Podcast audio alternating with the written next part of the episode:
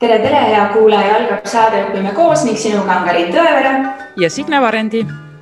ja täna on meil külas keemiavõlurist õpetaja Joana Jõgela.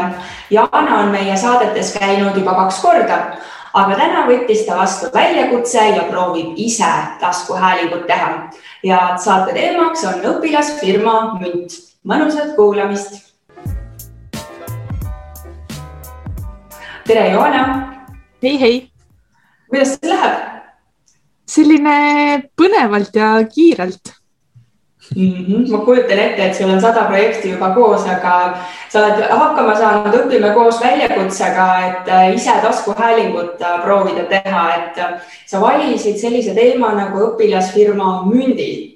et miks selline teemavalik ja kas, ähm, kas nüüd teema on ammendatud või sellest annaks veel rääkida? Sellest annaks veel rääkida, meil jäi nii palju asju rääkimata. aga kui ma teie väljakutsest äh, kuulsin sinu vahendusel mõnusalt, siis, äh, siis mul oli kohe mõte, et ma tahaksin teha õpilastega, sest et äh, minu arust me peaks natukene rohkem nende õpilaste hääli ja arvamusi siin haridusmaastikul kuulama, et õpetajatel on ka väga head mõtted, kuidas asju edasi teha, aga õpilased on ju need, kellega me tegelikult tööd koos teeme et, äh, et seda ma teadsin, et ma tahan õpilastega kindlasti seda saadet salvestada. ja kuna mündi noored on mulle nii lähedased, siis nendega oli mul lihtsalt väga lihtne seda kontakti saada ja sealt äh, selle ettevõtluse ja ettevõtlikkuse peale see teema ka viia. et kuidagi siis, kui mul see mõte oli olemas, et jah, õpilased on kindlasti see, kellega ma tahan salvestada, siis kuidagi sealt edasi oli nii lihtne juba mõelda, kelle ma oma ohvriks siis valin. no ma pean ära küsima, et kas sina olid siis nende mentoriks ka selle, selle nii-öelda leiutise teekonnal?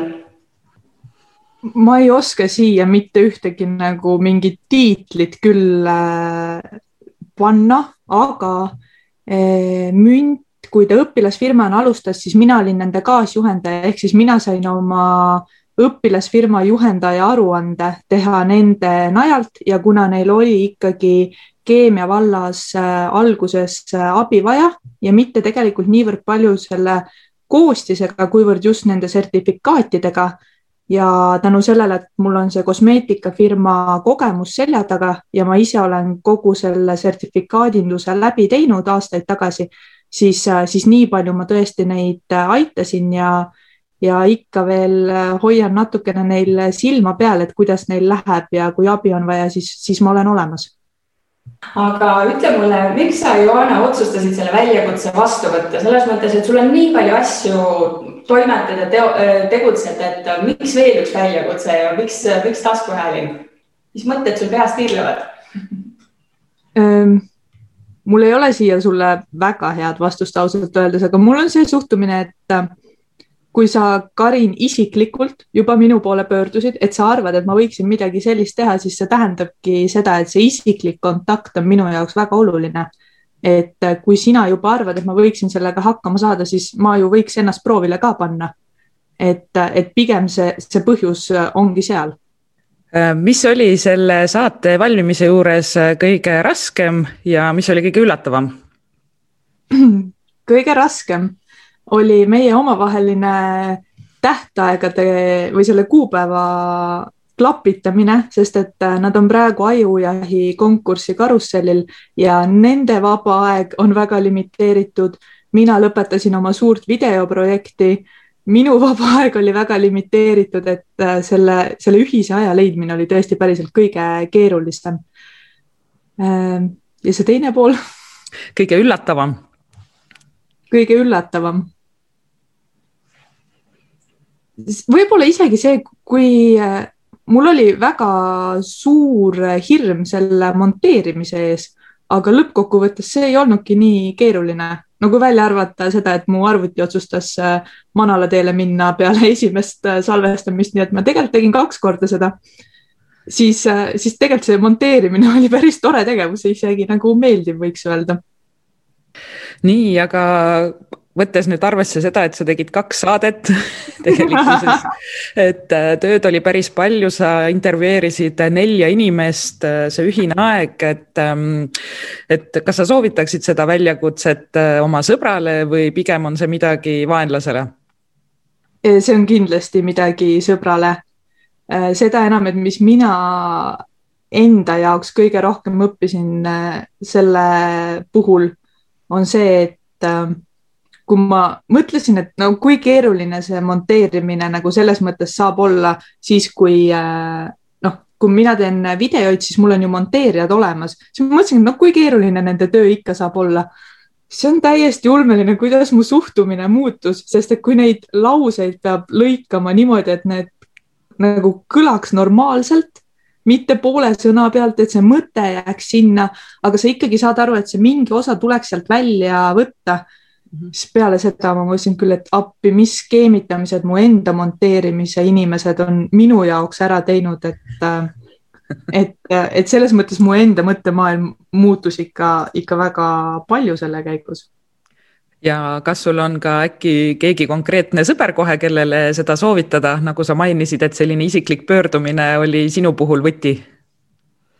ja mul on tunne, et Veeriku tore õpetaja Liis on selline, kes, äh, kellel oleks nii mõndagi rääkida. väga äge no,, edastame talle selle kutse. Ja vaatame, kas saame Liisi nõusse, et äh, sa edasta talle siis personaalne pakkumine ka on ju, et me, me võtame ka kindlasti temaga ühendust aga Johanna, kas sul on mõte, et äkki nüüd võikski oma taskuhäälingu teha ja monteerimine on selge, isegi natuke meeldis ja, ja ma kujutan ette, et sul peas on päris palju mõtteid, et et läheks nüüd äkki taskuhäälingu maale või? Tead, seda päris mõtet mul veel ei ole, et mul on tunne, et, et kui mul mõni mõte tuleb, siis äh, mul on need armsad Karin ja Signe, kellega koos ma saan ju neid asju teha, kui ma väga tahan, on ju? just ikka. et, äh, et ma niimoodi võib-olla veel mõne osa tahaksin teha, aga, aga mul on tunne, et teha midagi sellist äh, suurt ja graafiku järgi välja tulevad, nii nagu teie väga armsalt teete, siis ma sellesse maailma hetkel ei trügiks aga me saime nüüd teada, et me teeme sinuga veel koostööd, nii äge, et äh, kes on sinu siis äh, järgmine selline saatekülaline või unistuste saatekülaline, kellega sa tahaksid saadet salvestada?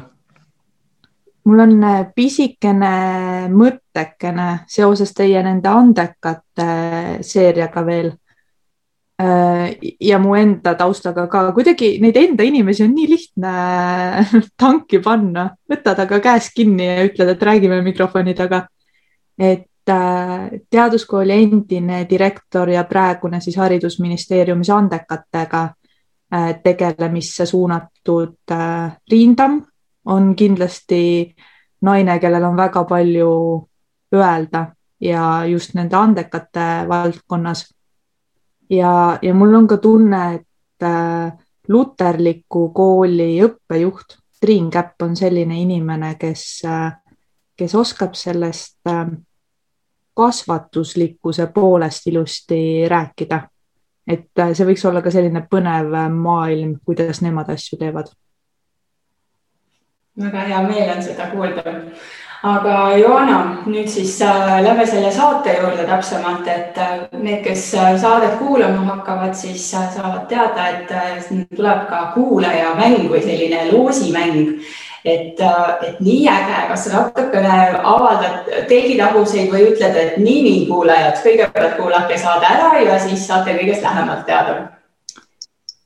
See loosimäng on tegelikult hästi minu arust ka tuletatav.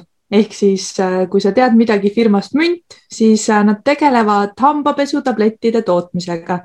Ja kuna nende jaoks on väga oluline tõesti see keskkonnahoid, siis nad äh, olid armsad ja pakkusid välja, et teeks ühe loosimängu ja tingimused, ma arvan küll, et igaüks võiks ikka saatest ära kuulata, mis ma siin kõik ära räägin kohe, aga tõesti, et nad loosivad välja siis purgi hambapesutablette.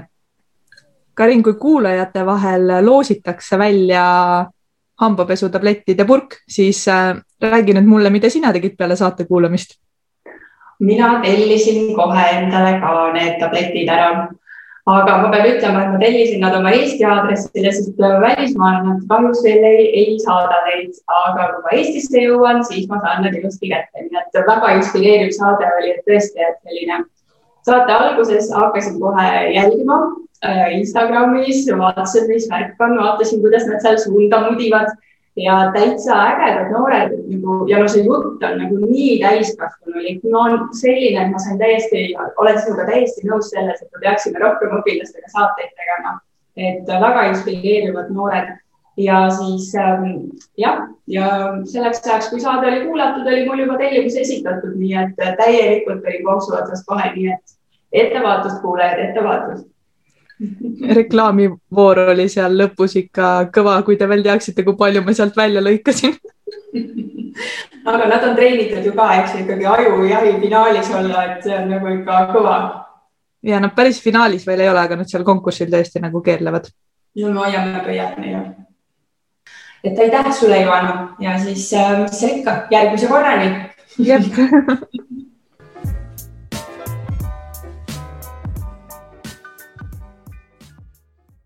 hei, hei, armas kuulaja.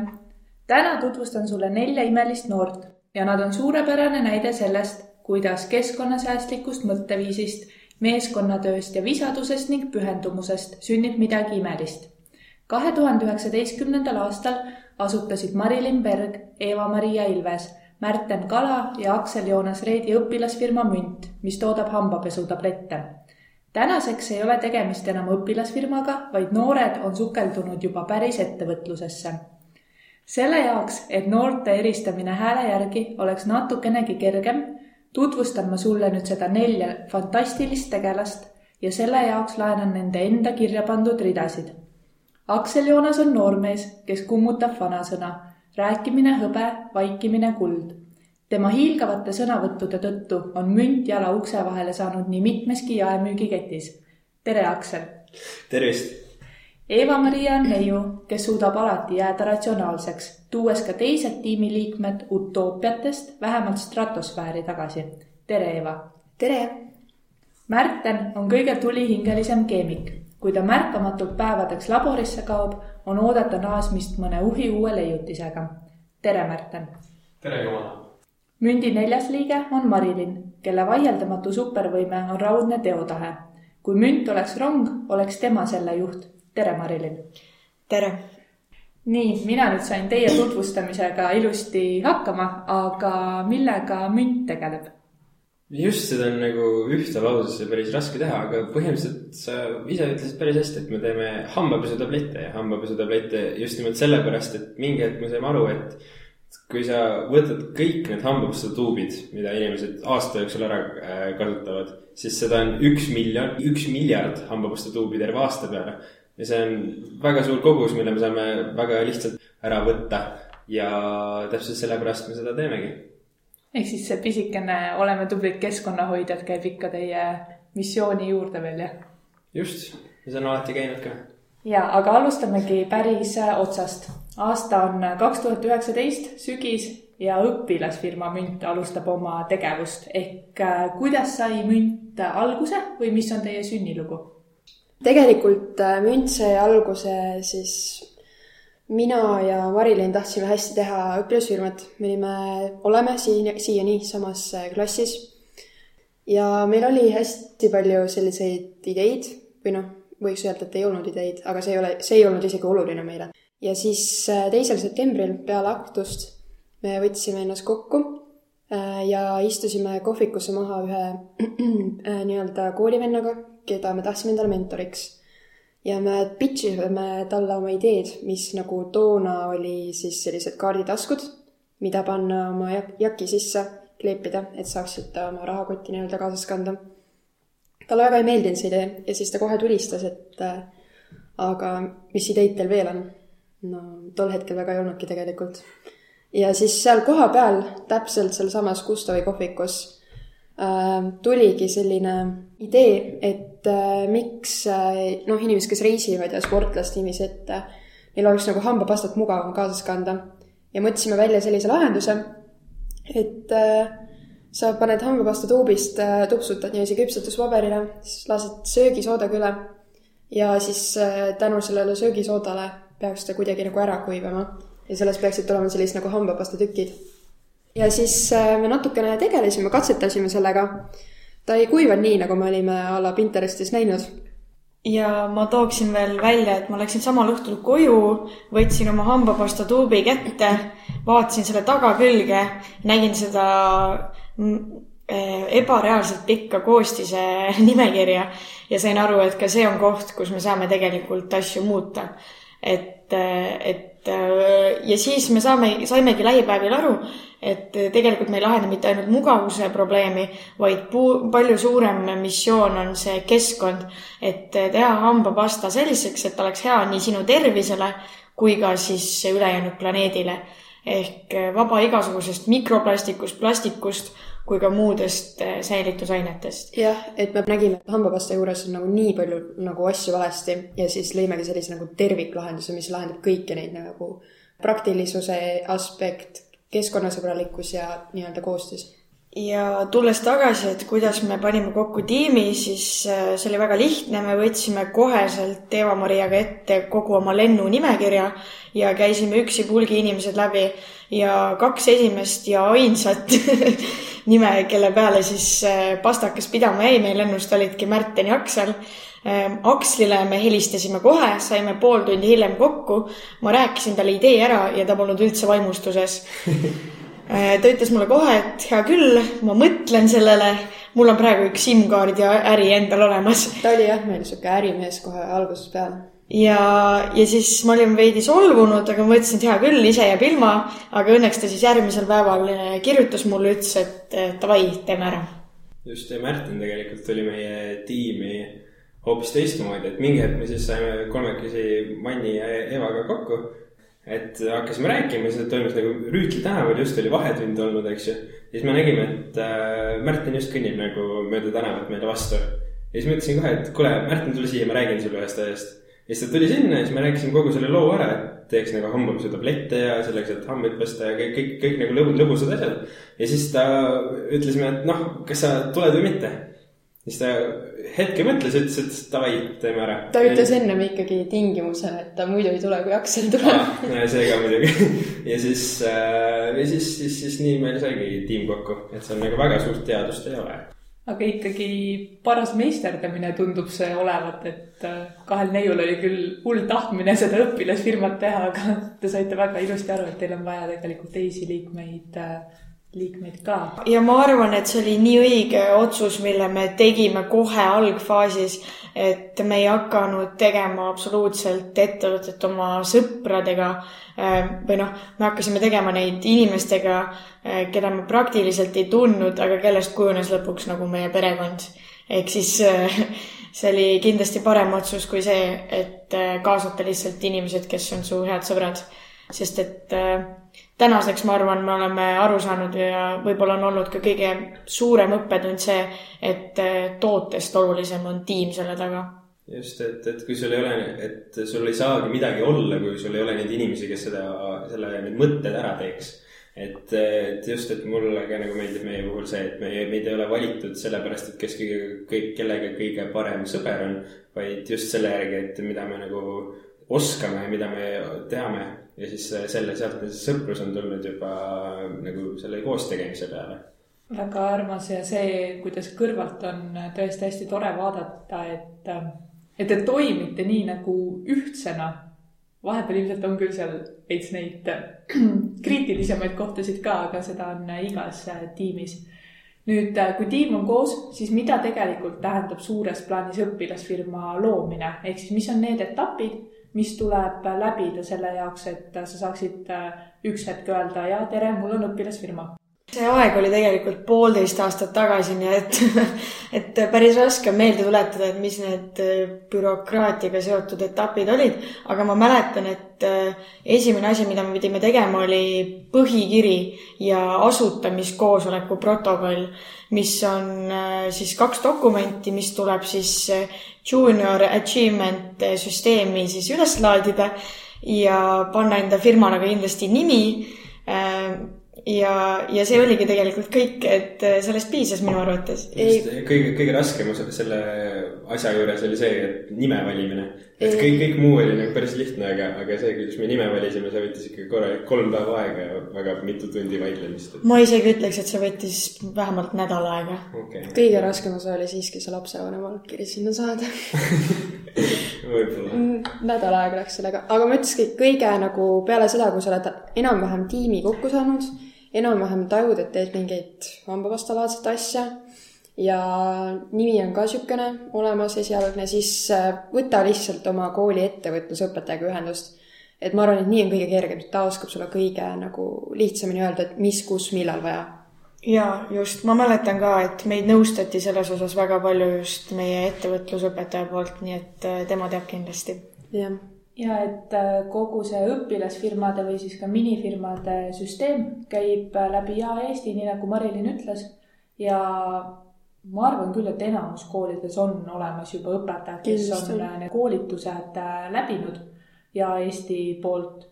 ja samas õpilastele tehakse ka sealtpoolt päris palju koolitusi vastavalt siis sellele, milline tiimiliige sa oled ja, ja ka üldiselt tiimi neid, neid koolitusi ehk siis äh, süsteem on Ja Eesti, kus tuleb äh, registreerida ennast.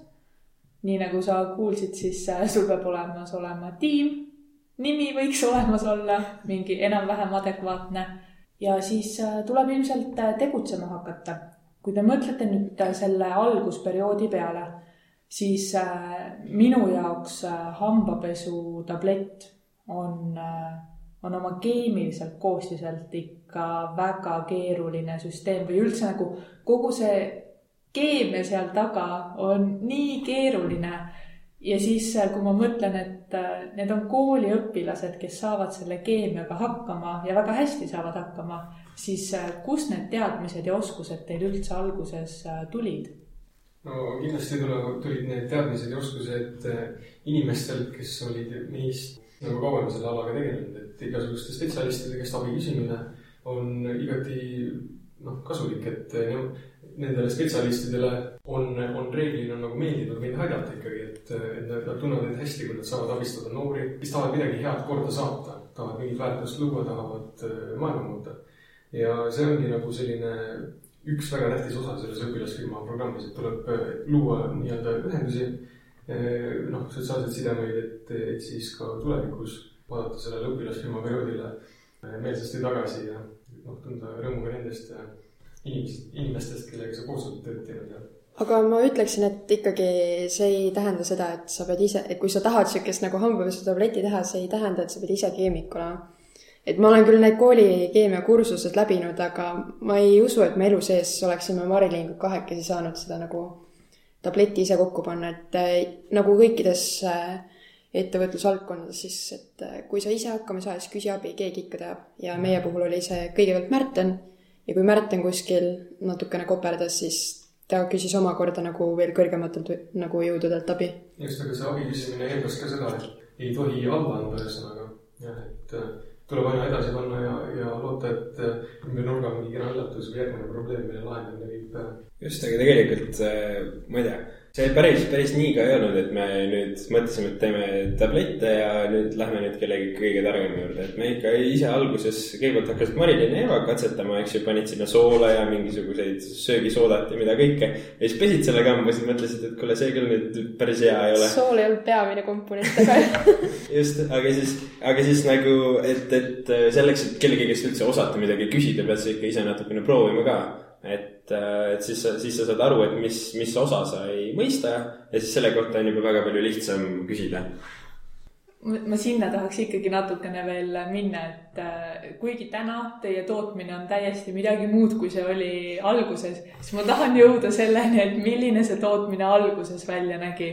et nagu kõigile ei jääkski muljet, et äh, münt on algusest peale mingi ulmeliselt häid, need olid alguses ka head, onju, aga nagu olnud see, mis praegu. et te pidite ikkagi kuskilt pihta hakkama, et nagu mis see algusmoment on, kus sa hakkad äh, katsetama? sa istud äh, Raekoja platsis apteegi kõrval, guugeldad, mida võiks üldse hambapasta sisaldada. hambapulber näiteks. hambapulber, kodune hambapulber, mida see võiks praktiliselt sisaldada. otsid välja Marilini isa vana katkise kohviveski ja lihtsalt segad ja teed, Hakkad teed nagu kooki konkreetselt teed kooki. osta, ostad äh, apteegist ksülitolitabletid, poest söögisoodat, natukene ehituspoest kriiti ja siis paned need kohviveskiga kokku ja siis äh, see on esimene prototüüp, et see käis sinna kategooriasse, et keegi ei proovi seda kodus praegu järgi teha. ärge seda tehke. ehituspoes kriiti ei osta. tegelikult. äh, millestki tuleb. alustada. Alguspäevadel ma ikka tegin neid prototüüpe korralikult ropult, et äh, meil oli ligi viiskümmend prototüüpi. ja noh, no, mingi osa nendest on alles ka, mul kuskil toas äh, supipurgides. mul on ka ja me jõudsime sinnani, ma lihtsalt mäletan seda korda, kui Märten tuli laborisse. ta oli enne mulle hästi ilusa kirja muidugi saatnud, et ta tahab kokku saada ja arutada ja nii edasi. ma mingi, oo, nii tore. ja siis ta tuli oma supipurgi, mille sees oli peaaegu et midagi tabletilaadset, rohkem mingi pulber ja siis mul oli nagu mingi esiteks ta ütles mulle, et see peab hambapesutablett olema. okei okay,, sellele ma suudan veel läbi sõrmede vaadata, teiseks nagu, miks see purgi sees on nagu et see oli mingi paar tundi tagasi Porsche veel olnud. ja aga samas ongi sellised lood need, mis on nii tore mõelda, et kust te tulite ja mis see tänase päeva nagu reaalsus äh, on.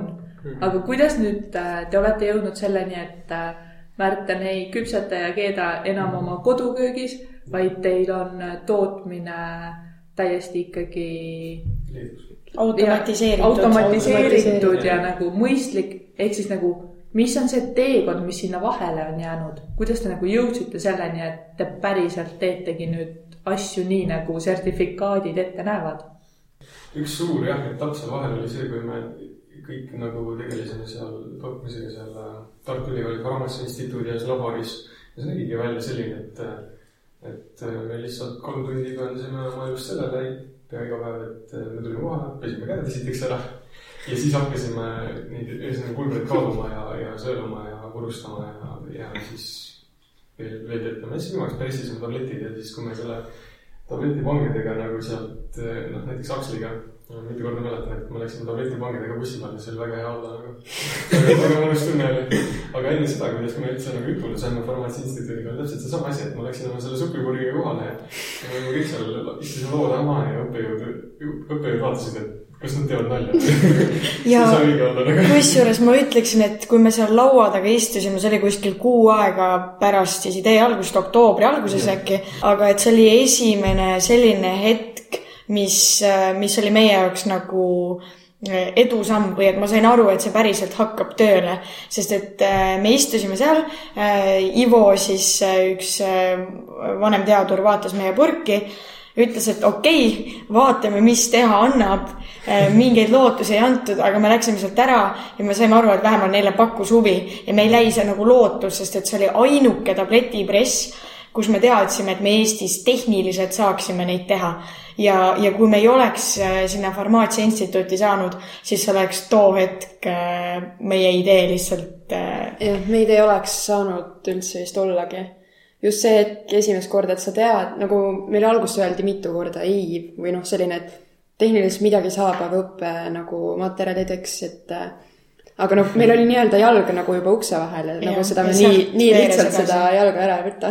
ja siis niimoodi pool aastat me käisimegi seda tabletipressi igapäevaselt vaatamas seal. jah, vaatasime lihtsalt, aknadega imetlemas jah? jah. tegelikult räägiksin natuke veel sellest Ivost, et, et jumala, jumala lahe oli, oli, oli see, kuidas äh, Ivo proov- proovis nagu mitte nii palju nagu juhendada mind siis nagu laboris, et tal oli ka ikkagi vaja nagu tudengitega tegeleda, siis äh, nagu näiteks üks päev äh, et äh, pidime jälle minema Ivoga nii-öelda kel- keldrikorrusele, tema pidi seal äh, tund või poolteist või ma ei tea, kui kaua me tabletisime lõpuks kokku, aga tema pidi seal seisma, eks ju.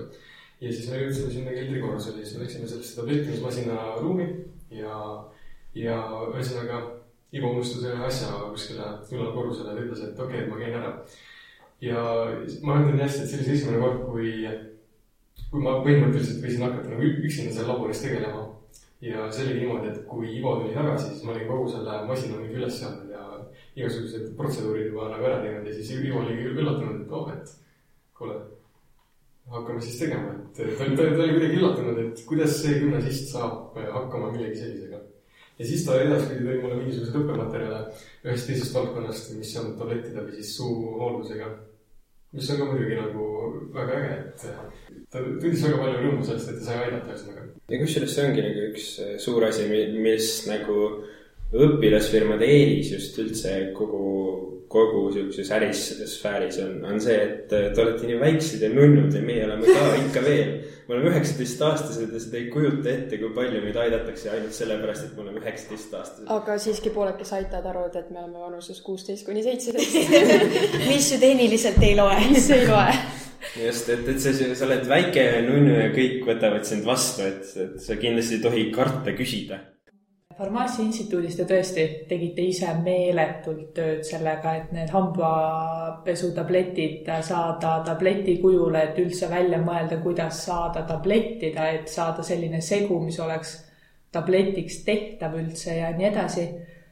ja, ja siis te tegite küll, ma tahaks öelda täielikku käsitööd ja need tootmismahud, mis te suutsite nagu seal laboris teha, on täiesti ulmelised nüüd äh, see tootmine on Leedus, teie enam oma näpukesi ei määri sellega. aga kuidas te sinnani jõudsite, sellepärast et siiamaani see toimus veel sellel perioodil, kus te tehniliselt olite seal õpilasfirma faasi lõpupoole.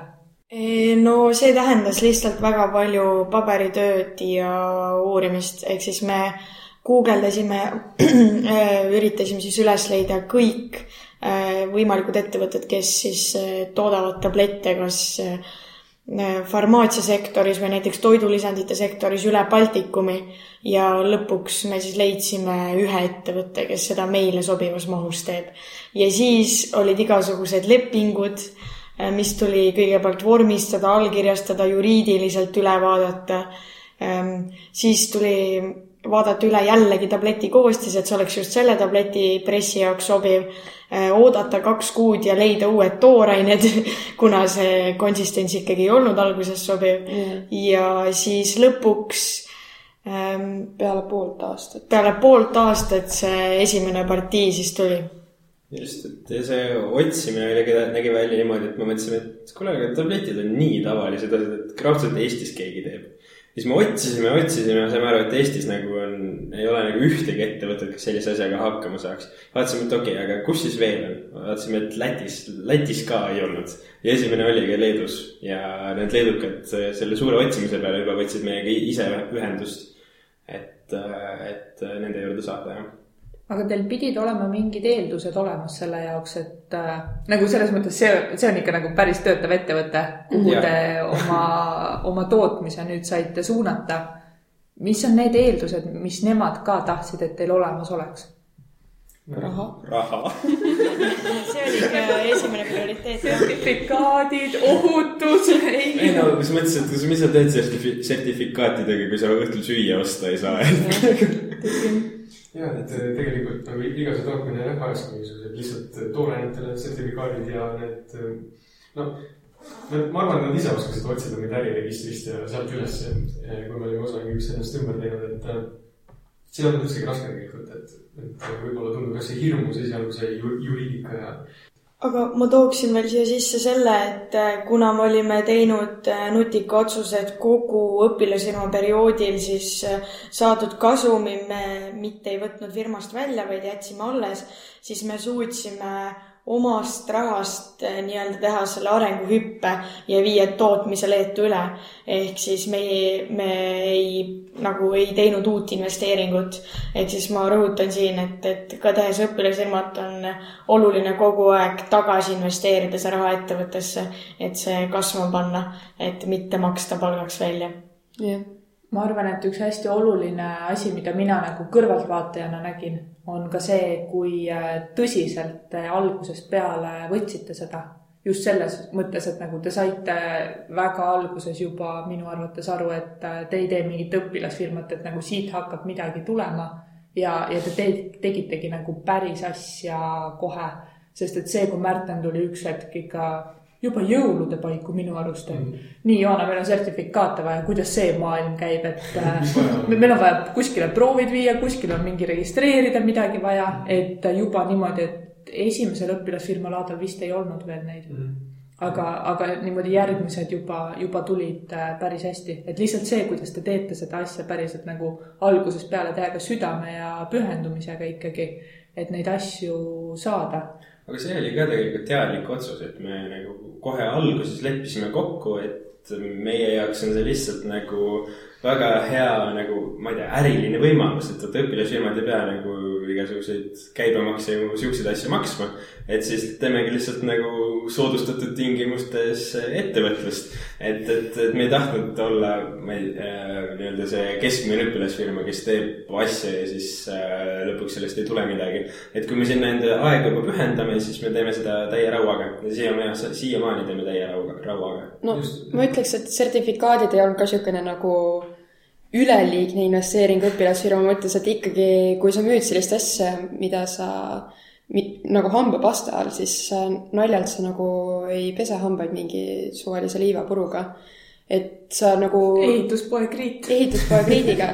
kriit on kriit, ma ütlen teile. et kui sa juba inimestele, kriit on kriit, et kui sa inimestele midagi juba pähe määrid, siis parem on, kui seal on nagu tõestus taga, et sa ei saa poole aasta pärast kuskilt, ma ei tea, Terviseametilt mingit kaebust peale. hambad on täpselt sihuke asi ka, et sa ei saa nagu midagi väga valesti teha, sest kellelgi teisel on, teisel on nagu väga halvasti, sellepärast et sina ei osanud seda asja hästi teha. ja, aga ma praegu mõtlen küll, et huvitav on tõesti, et mitte kordagi mitte ühelgi meil neljast ei olnud minu arvates mõtet, et me teeme seda lihtsalt selleks, et saada kaelast ära uurimuspraktiline töö. et mitte kordagi. see oli nagu boonus pigem, et sa jah, just, et meil oli kogu aeg ühtne selge visioon ja me teadsime, mida me teha tahame ja me teadsime, et äh, me teeme, kõik anname endast sada protsenti ja seame selle prioriteediks. aga see ei tulnud ka nagu ilma raskusteta, siis meil, meil oli, oli ikka nagu hetki, kus me pidime seda nagu endale meelde tuletama, et kuule, me teeme seda nagu hästi ja me ei tee seda mingi teiste asjade kõrvalt ja et see on, see on nagu see, et, et me lihtsalt olemegi selline, sellised, vaid me väga teadlikult hoidsime seda joont. ja me tuletasime iga kord seda visiooni meelde, kui me hakkasime seda, seda kaotama. et kui meil lootus kadus, siis me mõtlesime, et mille jaoks me tõesti seda kõike teeme ja iga kord me saime aru, et me teeme seda sellepärast, et maailma päästa ja see alati ilustab meid füüsikas on maailma päästjad ikkagi, aga kogu selle mündiperioodi jooksul ikka, praegu veel saab öelda, olete te olnud õpilased mm -hmm. ehk siis te olete oma põhitöö kõrvalt, mis on kool antud hetkel õpilase puhul, teinud väga edukalt ettevõtlust. nagu kui keeruline on kogu selle koolielu ja ettevõtluse ühildamine olnud? No mina ütleksin, et eks see sõltub eelkõige koolist, kus sa käid, et mingites koolides kindlasti soodustatakse rohkem seda äh, siis klassivälist tegevust, mingites jällegi vähem.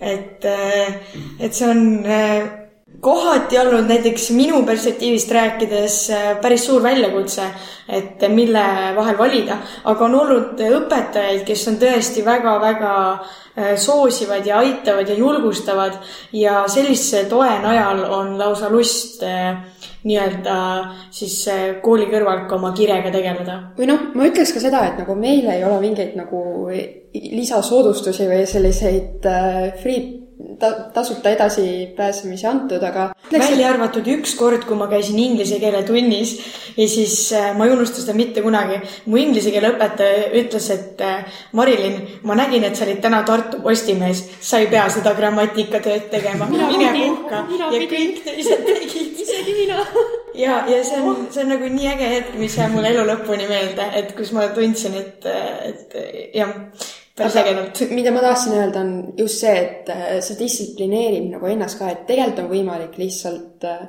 sa tea, pead siis nagu muudest asjadest nagu ohverdusi andma, et ma arvan, et kui meil oleks nagu natuke rohkem võib-olla neid selliseid äh, soodustusi tehtud, et võib-olla oleks nagu ise ka natukene laisemaks muutunud mm. -hmm. et see võib olla üks asi, aga jah, ta on kindlasti, ta on nagu keeruline, et me ei ole ju põhimõtteliselt kaks kolmandikku gümnaasiumi ajast ol, saanud olla nii-öelda, ennast kutsuda nagu õpilasteks, vaid nagu õpilane on ikkagi nagu üks osa meist. aga et me oleme alati üritanud nagu anda ennast nagu teha nagu mõlemat asja nii palju kui võimalik. Ja nagu neid ka nagu ühendada mingis mõttes. ja, ja ma arvan, et tegelikult väga palju meie jaoks on lihtsustanud asja see, et äh, viimased äh, aasta otsa on kõik olnud äh, neti teel ehk siis ma arvan, et kui me päev, kui me pidime füüsiliselt koolis kohal käima, siis oli kindlasti palju raskem ja. Seda aega. vaimselt juba, et kui sa ärkad kell kaheksa, kaheksast neljani oled kuskil õppeasutuses, peale seda sa tahad, ausalt, sa tahad minna koju magama. aga sa ei saa. aga sa ei saa, aga nüüd on nagu, saad enda nagu graafikut nii nagu paindlikult nagu ajastada, et natukene enne koolimünti natukene, vahetundides münti, siis teed õhtul õppimist, et nagu ise nagu seda aega valida, et ta on nii palju vaheldusrikkam ja nii palju kergem on sellega toime tulla. lisaks sellega, et näiteks mul on väga hea nagu äh, samastada, et, äh, et kui keemias oli mingisugune äh, teema, mis oli parajasti tootearenduses nagu aktuaalne, siis muidugi sellest oli nii palju kasu ja noh, näiteks kõik, kõik õpivad äh, ühiskonnaõpetuses makse, muidugi mina teen, äh, teen mingisugust konfidentsiaalsuslepingut äh, koostööpartneriga just. kõik sellised asjad nagu langevad, mis langesid kokku, et need olid, need olid nagu noh, lihtsalt nagu väga, kinnistasid palju paremini kui niisama. jah, et me ühiskonna tunnis päris sellist non-disclosure agreement'i ei kirjutanud, aga natuke lõimus küll et ikkagi see tunne on, et äh, natukene see kool ja need äh, oskused ja õpiväljundid, mida tunnid ja õppeained proovivad teile anda, et nendest ikkagi on kasu ka. just, just. Aga no see, see ei ole nagu absoluutne tõde ka, et mingid osad kindlasti nagu ei saa mingil juhul kattuda ja noh, no see on individuaalne, see on iga, iga inimese jaoks erinev ja see oli lihtsalt äh, hea kokkusattumus, et äh, sul oli seda lepingut vaja, ühiskonnaõpetuses oli täpselt see teema. aga kui sa mõtled natukene sellele situatsioonile, et, et äh, kool ja need, need siis teadmised, mida õpetajad päriselt proovivad teile, teile anda ja ka need oskused ja siis nüüd õpilasfirma tegutsemine siis äh, kas sa suudad välja mõelda seda olukorda või situatsiooni, kus sa päriselt oled aru saanud, et äh, koolis õpitust on sul kasu olnud? matas on kindlasti. ma just tahtsin sama öelda, et matemaatika oli üpriski äh, vähene, mis mulle pähe tuli hetkel samas selles mõttes, et kui sa pead ikka nagu meil eriti, et sa pead ikka nagu iga kümne minuti tagant mingisugust protsentarvutusi ja asju tegema mm, -hmm. siis nagu see on väga vajalik, et sul see nagu selge oleks ja siis mingid teiste matateemadega on samamoodi olnud, et äh, et, et, et nad on ikka nagu väga ootamatult, aga väga kasuks tulnud. ja matemaatika on tõesti. ja üks teine asi veel on see, meil oli informaatika kursus, kus me õppisime terve kursuse Excelit. ja ma mõtlesin selle ajaga, et noh, et ma ei lähe ju ealeski nagu millegagi tegelema, kus Excelit on vaja, et ma oskasin sinna ala oma nime ühte kasti kirjutada ja vanuse teise kasti kirjutada alguses aga niipea, kui me hakkasime, noh, meie põhimõtteliselt terve, meil on siis enda nagu mündi nii-öelda Google Drive'i kaust ma, ma arvan, et seal on nagu kümneid Exceli tabeleid lihtsalt, kus on nagu, ma mäletan seda tunnet lihtsalt, mul oli see kursus oli ennem ära ja siis nagu see, kuidas tuli, nagu me hakkasime mündiga ala esimesi siukseid nagu päris tabeleid täitma ja ma mäletan, et ma oskasin nagu panna selle Exceli toimima niiviisi, et ma ei pidanud ise nagu rida, rida, rida kokku arvutama, korrutama, liitma, lahutama siis mul lihtsalt see tunne, et nagu et kasu on olnud. jah, nii palju kasu ja ma võib-olla tooksin siia juurde veel selle, et, et eelkõige kool on ka õpetanud ju inimestega suhtlema, mis on äh, tänapäeval väga oluline. et äh, ma täna just lugesin raamatut äh, Harari on autor kakskümmend üks õppetundi kahekümne esimeseks sajandiks, kus, kus toodi välja siis, et, et tulevikus on olulised neli K-d. kommunikatsioon, kreatiivsus. Kas kreatiivsus on sõna eesti keeles ju siis on. välja praegu. kui Marilyn ütleb, siis kindlalt. kreatiivsus, kommunikatsioon ja kaks K-d olid veel, mis mulle hetkel meelde ei tule. kuna maailm muutub niivõrd kiiresti, siis äh, siis äh, tegelikult lääne ühiskond ja kõik soosib seda, et inimene oskaks probleeme lahendada, oskaks olukordades kohaneda äh, ja, ja teiste inimestega suhelda. ja ma arvan, et äh, kõik koolitunnid, kust me vähegi seda oleme kaasa saanud, siis mitte ei aita meid ainult siis ka ärilises võtmes, vaid ka meie tulevikus. et äh, neid, neid tunde teeb kindlasti on. ja, ja ma lihtsalt näen ka mündist, kuidas see tohutult äh, aitab arendada neid oskusi, just praktilisi oskusi, mida võib-olla koolitunnist on raskem saada, et sealt sa saad uut infot ja teooriat, aga just see, et sa oskaksid eristada äh, olulist infot ebaolulisest ja seda käiku rakendada, et äh, sellepärast ma soovitan kindlasti kõigil ka koolis käia. koolis käia ja kooliväliselt, kooliväliselt tegeleda siis asjadega. Marilyn võttis oma jutuga minu arust hästi ilusti kokku tegelikult selle, mida on alates kahe tuhande seitsmendast aastast äkki proovitud ikkagi koolides äh, juurutada see ettevõtlikkus. Ja väga tihti seostatakse seda ikka veel selle äritegevusega, aga tegelikult see mõiste ongi palju laiem, et sa suudad ennast ise juhtida, sa näed probleeme, sa oskad lahendusi välja pakkuda. samas sa oled seal nii loov kui kriitiline, mis Marilyn ka väga ilusti välja tõi, aga ikka mul on tunne, et kuidagi õpilasteni vist ei jõua see, et iga, iga õppeaine tegelikult proovib seda ettevõtlikkust natukene rohkem tuua õpilasteni. ehk siis äh, nüüd saate teie olla pisikesed äh, koolimaailma parandajad. mida saavad äh, õpetajad teha teisiti? mina arvan seda, et õpetajad peaksid natukene rohkem laskma eksida. et äh, ma tean, et mul on vähemalt põhikoolis ja natuke ka gümnaasiumis olnud sellised õpetajad, kes äh,, kes nagu natuke ikka panevad pahaks siis, kui sa nagu eksid. ja, ja siis nagu sellel, selle pärast tekib sihuke vastumeelsus sellele. aga näiteks, ma ei tea, see meie praeguses elus, me teeme hästi palju vigasid ja üritame võimalikult palju nendest õppida ja see ongi nagu äh,, ongi nagu see koht, kus me saame nagu päris informatsiooni ja päriselt nagu saame selgeks mingisugused asjad. aga me saame, aga me jõuame sinna ainult sellepärast, et me kõigepealt teeme neid asju valesti või, või nagu vigaselt. ja kui sa ko- koolis ka natuke laseksid rohkem nagu äh,, nagu vigu teha, siis äh,, siis see on, oleks nagu väga teretulnud Jah. et piinlik või noh, kramplikult neid vigu vältida on jah, minu meelest väga vale lähenemine. küll aga on väga nii-öelda vajalik see, et õpilane saaks tagasisidet või noh, et, et õpilane peab sellest aru saama, et eh, umbes siit on natukene loogikavigane, äkki tahad uuesti proovida või ma näitan sulle, et kuidas see toimib. et, et see tagasiside on jah, väga tähtis ma tahaksin veel välja tuua selle, et äh, minu arvates äh, praeguses hetkel see kooli haridussüsteem ei ole veel sealmaal, et ta suunaks õpilasi rohkem äh, kastist välja mõtlema, rohkem saama aru, et mis on just see sinu kirg, milles sina oled hea, vaid äh, kõiki üritatakse samadesse piiridesse suruda, öeldes, et eh, on ainult üks õige vastus, see on see, mis on vale, et ilmselgelt reaalainetes tõenäoliselt ongi niimoodi, aga et rohkem eh, just jah, suunata inimesi ise mõtlema.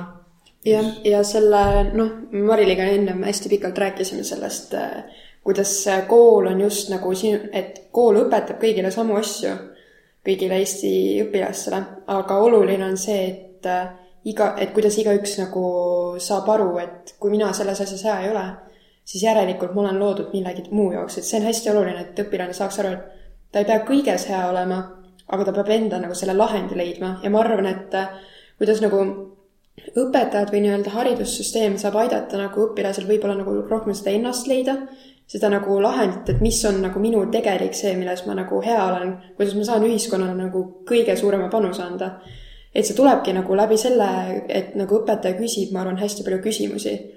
ja läbi selle, et sa mitte ei õpi nagu pelgalt kõike nagu mingi juhendi järgi, vaid just see, et mis on minu vastus sellele küsimusele, ehk siis nagu, nagu läbi nendele küsimuste sa saad nagu aru ka, et milline on nagu minu mingi maailmavaade selles nagu asjale, milline on minu perspektiiv. Ja nagu lõpuks äh, selles perspektiivis paned sa kokku selle, kes ma olen ja ke, mi, miks ma olen ja, ja ma võib-olla viimasena veel lisaks just, et äh, sellised oskused nagu tuupimine ja info pähe õppimine sa oled väga osav selles.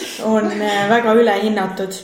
et äh, palju olulisem tõesti on tänapäeva maailmas, kus seda infot on nii-nii palju, siis õpetajad ei tohiks seda mitte nagu õpilastele suruda pähe juurde, et tuupige kõik pähe, vaid pigem oma osake siis nagu eristada seda infot, et mis, mida teil päriselt vaja läheb, kust seda otsida, et no mingit infot peab kindlasti tuupima ka, et sul oleks see sa pead võimekus. tähestikku teadma, muidu läheb veits no veits keeruliseks. peab tähestikku teadma vahepeal onju. seda ilmselgelt. iga päev ei lähe vaja, aga noh. aga samas, samas nagu selle e Eeva mõtte nagu jätkuks on see, et, et jaa, et et nagu see on täiesti okei okay ja loogiline, et sa ei, nagu kõike ei oskagi.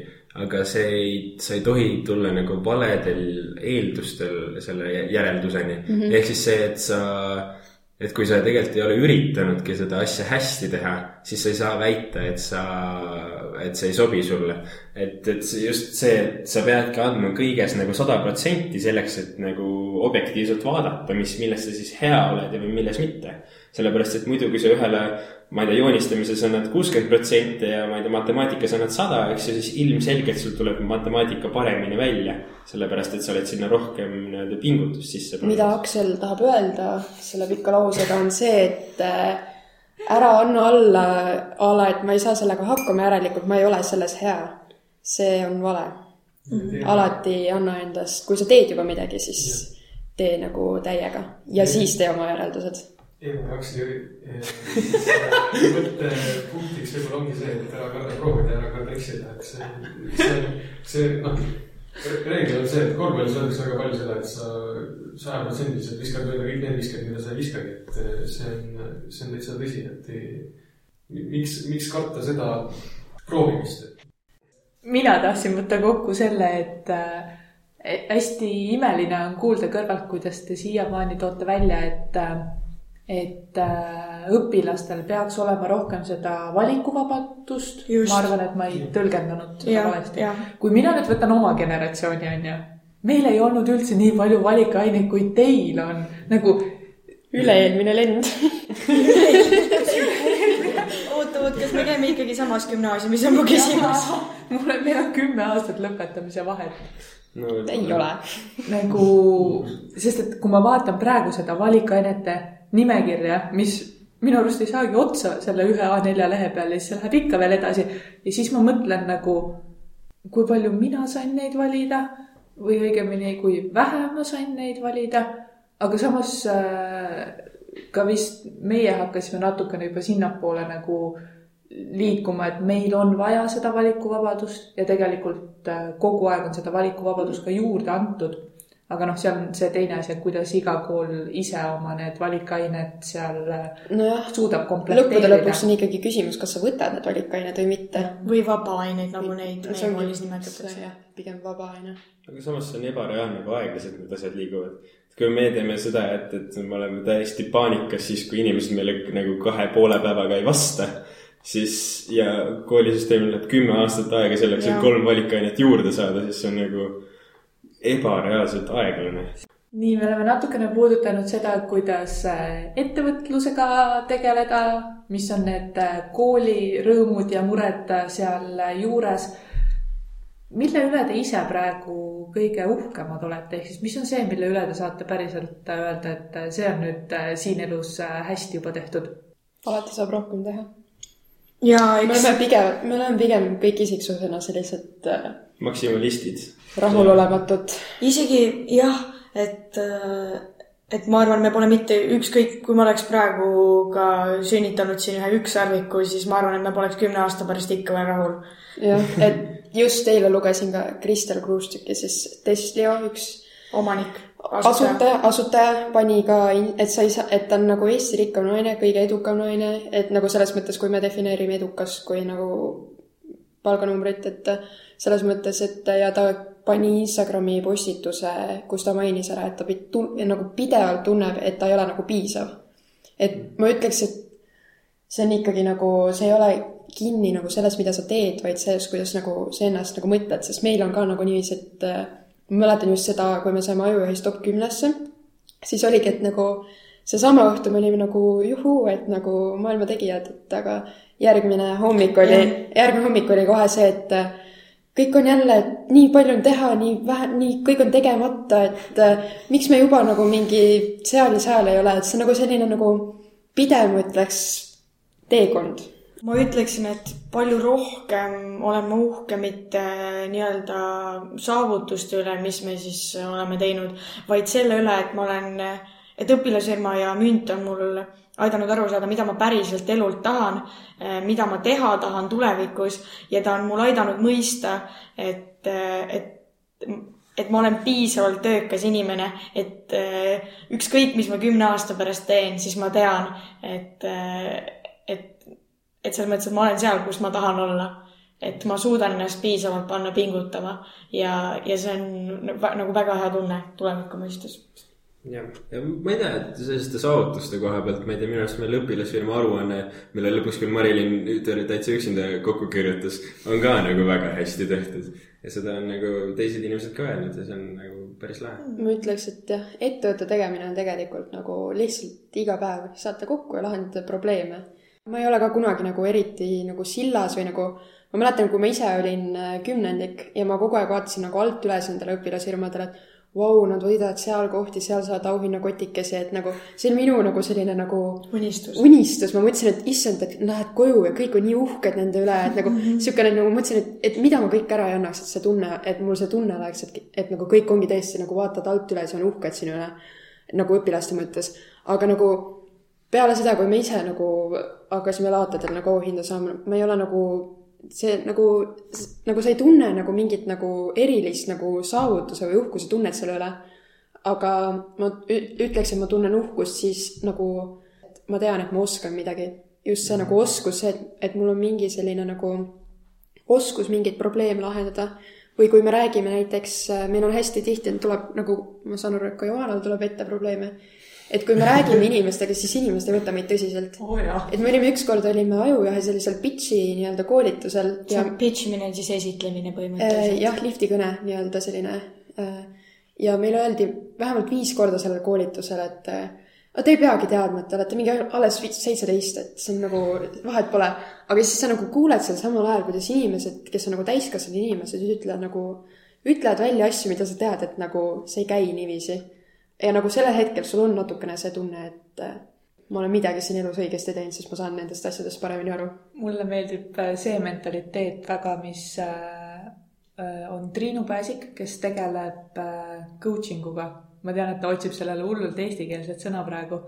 Mm. aga see vist ei ole väga, väga head niikuinii olemas, aga tema tõstatas minu jaoks ka selle mõtte üks päev, et kui me ütleme noortele inimestele siis täiskasvanutena, et sa ei peagi seda oskama, et sa oled selle jaoks liiga noor, siis nagu tegelikult see ei käi niimoodi, et sul tiksub passis kaheksateist ette ja siis sa kõike oskad, vaid me nagu nende lausete ja mõttemustritega võtamegi noortelt inimestelt ära selle võimaluse, et nad hakkaksid üldse tegutsema selle nimel või nagu prooviksid vähemalt, sest kui sa ütledki, no kui sa ütled teise klassi õpilasele, et äh, sa ei peagi oskama praegu kitarri mängida, siis nagu vabandust, see kitarr jääbki sinna toanurka mm -hmm. ja ta ei proovigi enam mitte kunagi, sest keegi ütles ühel hetkel talle, et ta ei peagi seda oskama niikuinii. ja, ja niimoodi jääbki, et, et see, see suhtumine on ikka päris äh, suur veel.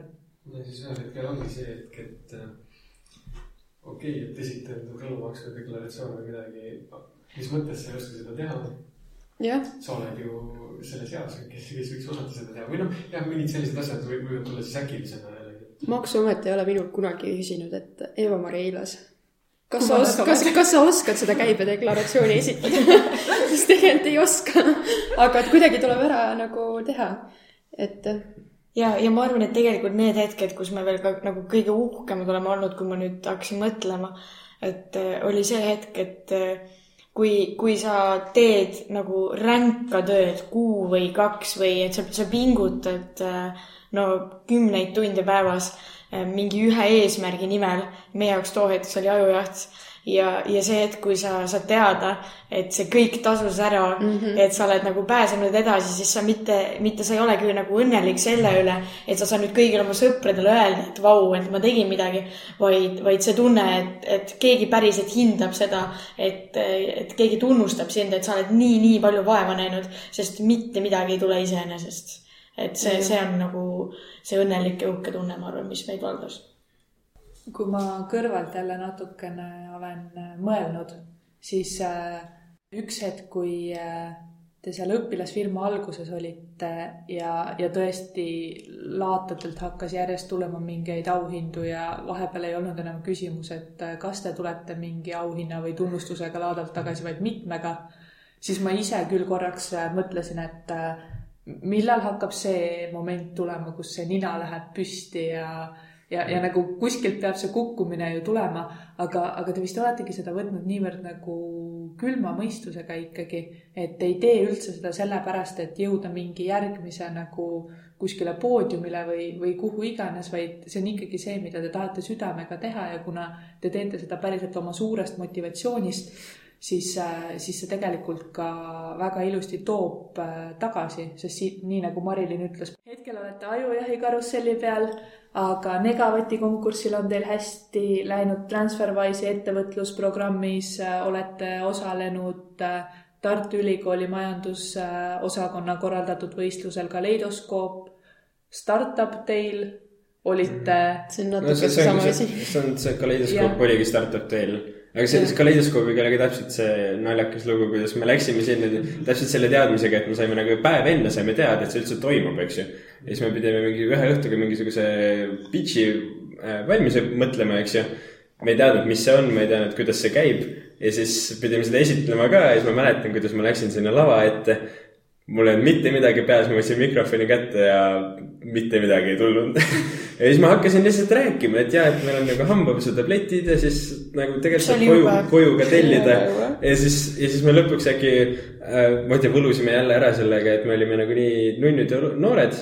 Ja, ja lõpuks teise, teinekord me siis tegime juba hästi ja lõpuks tuli välja see, et me võitsime kogu selle asja ära ise peaaegu mitte isegi osaledes. aga ma ütleks selle nina püsti kohta, et äh, meil oli, meil on üks kord terve selle mündi ajaloo jooksul olnud veits natuke, noh, natukene nina püsti, see oli, äkki oli üks mingi teine, kolmas niisugune õpilasfirmade mentorklubi. Ja me, me isegi ei läinud sinna selle mõttega, et meil on nina püsti, aga kui me pärast tagasi mõtleme, siis meil nagu veits oli, natukene oli. ja siis meil äh, pärast saime tagasisidet, noh, kellegi kaudu jälle kuulda, et äh, me tundusime kuidagi jube ülbed või nagu sellised äh, ninatargad ja peale seda nagu, kui me saime aru, et, et see ei ole nagu see lahendus, siis äh, me ei ole mitte kunagi võtnud midagi nagu iseenesestmõistetavana. et ükskõik, mida me teeme, me ei lähe kunagi ühelegi esinemisele, võistlusele, me ei ole kuskil sellised, et me niikuinii nagu võidame või niikuinii saame hakkama või nagu selliseid võistlusi ei ole isegi olnud. sest et äh, kui me oleme praegu, ma arvan, et see meie noorus ja selline uisapäisus on olnud ise, noh, näiteks ajujahi konkursid on pigem olnud selle, selles mõttes nagu positiivne faktor, mitte selles mõttes, et inimesed arvavad, et ah, me oleme lihtsalt nunnud ja lahedad. aga just see, et me näeme, et kui meie kõrval on inimesed, kellel on kakskümmend viis aastat a la ettevõtluskogemus, nad kaasavad raha, nad teevad, nad on nagu meie silmis ikkagi nagu päris, päris täis, päris inimesed jah, siis nagu see, et me üldse saaksime nagu, et meil ei oleks nagu piinlik endal nagu nendel võistlustel olla või võistelda, siis me oleme endast nagu, nagu me oleme ennast nagu pükstest välja töötanud lihtsalt selleks, et me, et me saaksime nagu hakkama. olla konkurentsis. olla konkurentsis ja seal, sealhulgas sa ei saa mitte kunagi isegi mõelda sellele, et sa oled nagu nina püsti, et, et seal, meil ongi kogu aeg see mõtteviis, et me peame alati olema paremad, me peame alati rohkem pingutama. iseendast, mitte siis teistest. jah yeah.. ja kust kogu see motivatsioon, mis sind äh, töös siiamaani ikkagi hoiab, tuleb, sest et nagu see ei ole üldse lihtne, seda ma tean omast käest. no mina ütleksin, et ikkagi meie puhul see hullult suur vajadus tõestada, et mis siis, et me oleme noored, siis äh, me saame hakkama ja et me teeme sama head asja. Ja, ja ma arvan, et see ongi tegelikult meie edu valem, sest et äh, mida ütles ka ajujahi konkursi korraldaja, et äh, meie tiimi kohta, et me oleme nagu käsnad, kes imevad enda sisse teadmisi, et sul on palju raskem ähm, õpetada inimest, kes, kellel on, nagu Eva ütles, kahekümne aastane töökogemus olemas versus gümnaasiumiõpilast, keda sa näed, et, et ta tahab õppida, ta tahab neid uusi teadmisi saada. et me võtame nagu igalt poolt kõik, mis annab ja me tahame lihtsalt tõestada, et äh, me oleme selleks võimelised ja, ja alati nagu paremad olla kui eelmine kord. nojah, üks asi ongi, et kui mõelda, et äh, need konkursid, aga teine asi on see, et iga päev, iga päev ei ole see, et me mõtleme kogu aeg, et me teeme midagi konkursi heaks, kuigi viimasel ajal nagu natukene on. Aga lõppu, lõppu, lõppude lõpuks on ikkagi need nagu see, miks me iga päev teeme seal äh, oma nii-öelda väikeses äh, peakorteris äh, tööd kaksteist tundi. see ei ole nagu mingi nagu, see ei ole kunagi mingi auhinna või mingi sellise Jaa, nagu, see on, ma mõtlen ise ka vahepeal, et nagu mi- miks see on, miks ma teen seal nagu mingit tööd kaksteist tundi, kuidas ma jaksan. aga see on, midagi on selles nagu nii palju, et üks osa on selles kindlasti see kliendi tagasiside, kui sa saadki tagasisidet, et vau, et te teete imelist asja, ma ei saaks enam nagu tavalise hambapastaga hambad pesta, see on nagu nii väike osa sellest. aga kogu see, et sa näed, et nagu palju sa saad õppida, palju sa saad nagu teha oma kätega ära, et see on nagu, pakub nii suurt nagu, see on nagu hobi, mida fetiš. et see on see, see, kui palju sa ise õpid, see on täiesti ebareaalne. Ja minu arust meie õpilas või no mentor Mihkel ütles seda, et et, et, et muidugi te nagu peate tegema õpilasfirmat, sellepärast et kui te ei teeks õpilasfirmat, oleksite inimestena nii nagu, nagu nii arenematud või nagu isegi, isegi mitte selles valguses, aga see, et arenete nii eksponentsiaalselt selle perioodi nagu äh, Vältel. vältel, jah, et, et, et see on nagu lihtsalt asi, mida peab tegema. lihtsalt sellepärast, et siis sa saad teada esiteks kahte asja, et kas sa, kas sulle meeldib olla ettevõtja ja teiseks see, et äh, et äh, mingisugused kõik need teadmised ja kõik need koolitused, mis sul on, on nagu nii kasulikud ja nii head. et, et sul lihtsalt jääb nii palju õppimata, kui sa ei tee seda. Just nii, et, et siin on väga nagu äh, asjakohane äh, märkida seda, et mis meid nagu töös hoiab, ongi see, et me oleme fookuse nihutanud äh, paika, et äh, fookus just selles mõttes, et me tahame endast olla paremad alati, et äh, me ei vaata nagu kõrvalradadele, kes, kes jookseb kõrvalradadel, vaid me vaatame finišit, seda, seda on ka siis meie üks mentor Rantsep öelnud. just, kuidas, kuidas see oligi, et äh, tahame üle oma varju hüpata või mis. et äh, võitja vaatab finišit ja kõik teised vaatavad võitjat. ja, ja just, et ka mentorid väga motiveerivad meid, et kui sulle ütleb inimene, et nii, järgmiseks nädalaks sa hüppad üle oma varju, ükskõik mis ülesanne ka ei oleks, siis sa teed seda. ja sa helistad talle kolmapäeva õhtul kell kümme, et näed, tehtud. tehtud, mis sa nüüd ütled? nii, aga selle jaoks, et natukene võtta asju kokkupoole, siis äh, te juba ütlesite, et proovite oma varju hüpata ja nii edasi. Ma vist viisaastaku plaani nagu Nõukogude Liidus oli, ei julge teie käest äh, küsida, aga kus münt võiks aasta pärast äh, olla teie silmis?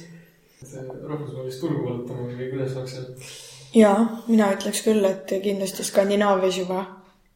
just, just, et meil tegelikult juba praegu on äh, mingisugused äh, väga palju tahaks rääkida sellest muidugi. pehmed lubadused. jah, et, et sihuke soft, soft, soft commitment äh, nagu mingisuguse Skandinaavia suuna, suunal on olemas. et ma arvan, et kui järgmine kord Rootsi kruiisile lähed, siis võid teiselt poolt piiri midagi mündisarnast leida. või siis täitsa münti. ilmselt ikka täitsa münti, mis mõttes mündisarnast aga münt on mõelnud ka kuulajate peale ja nüüd tõmbamegi käima ühe pisikese loosimängu. selle jaoks, et osaleda, siis loosimises postita oma Instagrami story'sse pilt, kuidas sina, armas kuulaja, hoiad keskkonda. märgi seal ära Õpime koos taskuhääling ja münt ning juba nädala pärast keerutab loosiratas ühele õnnelikule purgi hambapesutablette ja viimaseks siis täiesti, siis saame päriselt koju ära. kust äh, teie kohta infot saab? reklaaminurk. punkt munt uuga punkt ee. Aga ole saab seal vahel, see on nagu www.munt.ee. ja korra veel www.munt.ee. jah, Ja, see ja on nagu www nagu kolm v-d punkt munt.ee. ja, ja siis, kui, kui selle, selle raske asja saate ära tehtud, siis vaadake, et seal on üks püsitellimus ja seal on üks ost-, nupp, nupp osta, et seda võite ka vajutada. Instagramis võite meid leida Munt Eesti U-ga ja Facebookis on Ü-ga Münt Eesti. et jah, ma arvan, kui sa paned kuskile münt või munt ja või lihtsalt guugelda münt hambapesutabletid ja sa kindlasti leiad või guugelda pipar, ei, guugeldagi münti ja see tuleb enne piparmünti välja. me oleme maksnud selle eest. see on üks asi, mille pärast me uhked oleme väga armas, aga suur aitäh, et te leidsite oma tihedas graafikus, kus äh, võib-olla tegelikult peaks tegelema kooli lõpetamisega natukene rohkem juba äh, aega tulla ja rääkida. Ja eks me hoiame siis teil ajujahil natukene silma peal. head aega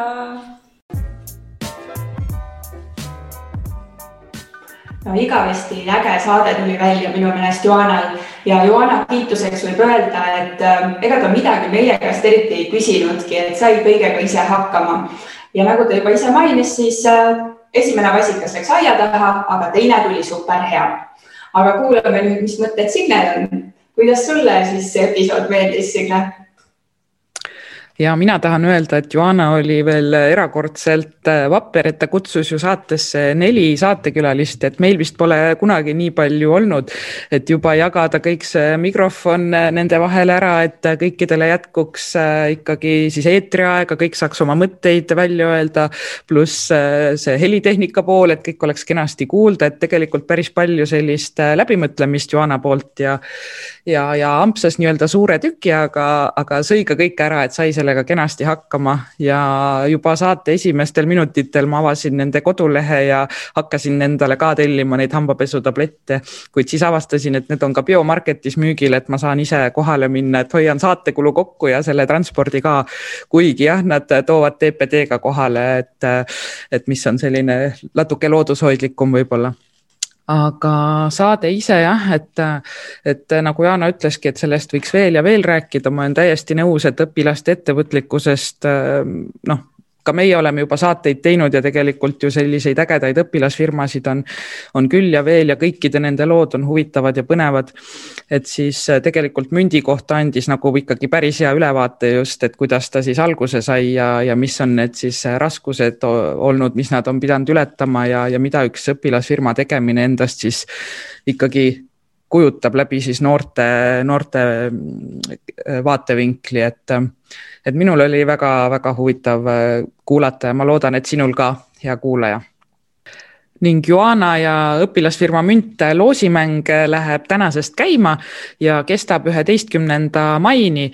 nii et kui sa tahad selles osaleda, siis äh, vaata kindlasti alla saate kirjeldusse, sealt leiad kogu vajaliku info ja kui sinagi tahaksid ennast proovile panna ja meie väljakutses osaleda, et äh, siis äh, kui sellel õppeaastal ei jõua enam, siis äh, tegelikult meie väljakutse läheb ka edasi järgmisel õppeaastal, nii et suvi on ees, koguda häid mõtteid ja, ja miks mitte siis sügisel meiega ühendust võtta ja ennast proovile panna, et oleme sulle toeks ja, ja aitame sinul sinu esimese saate siis valmimisel ja, ja tegelikult võib ühendust võtta juba praegu ja öelda, et meil, et mõte on olemas, et tahaks teha lihtsalt eetrisse läheb siis järgmisel hooajal, juba meie viiendal hooajal.